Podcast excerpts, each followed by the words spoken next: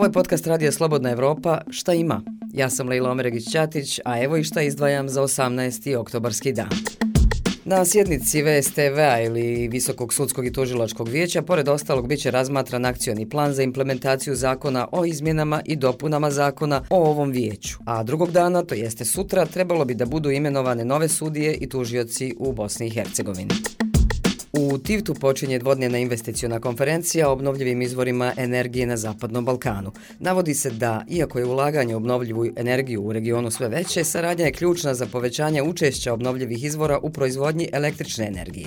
Učestvuju energetske kompanije, međunarodne finansijske institucije i investitori, a i predstavnici vlasti država regije, uključujući i Bosnu i Hercegovinu.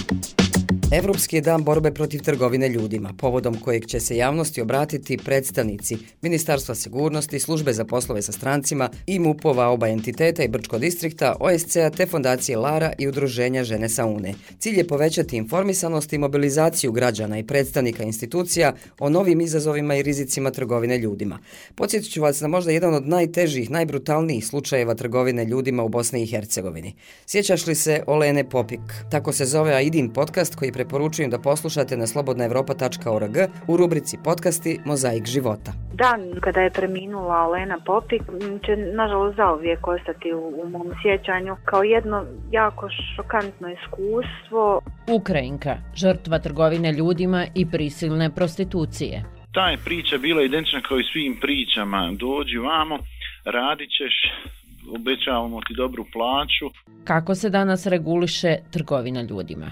I danas imamo sigurno na ulici deset puta više e, profesionalaca koji znaju prepoznati elemente bića trgovnih ljudima.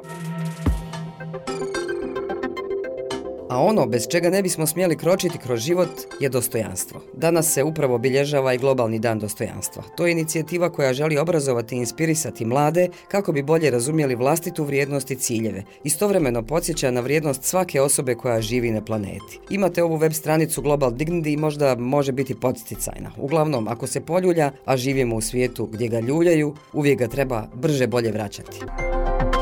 I na koncu smo u Mostaru gdje počinju 104. Šantićeve večeri poezije uz muzičko-poetsko naše veče Ivana Bosiljčića, glumca iz Beograda. Do 26. oktobra mnogo je dobrih sadržaja, a već drugo veče ne propustite predstavljanje knjige Marka Tomaša Noć s Aleksom uz muzički dio za koji su zaduženi kantautor iz Mostara Sanel Marić Mara i klavijaturista Dario Lukić. Jasno vam je, to je manifestacija kojom se svake godine podsjećamo na lik i dijelo velikog mostarskog pjesnika Alekse Šantića, koji je na najljepši mogući način opjevao svoj grad i zadužio svoj grad, ali on je postavio i temelje naših društava, a zapravo je postavio i temelje savremene kulture u Mostaru sa svojim savremenicima, pjesnicima i pjescima toga doba.